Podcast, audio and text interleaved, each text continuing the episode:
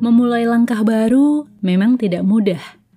Ada begitu banyak pertimbangan karena nggak punya bayangan, apalagi kepastian. Namun bukankah kita lahir di dunia sudah terbiasa dengan itu semua?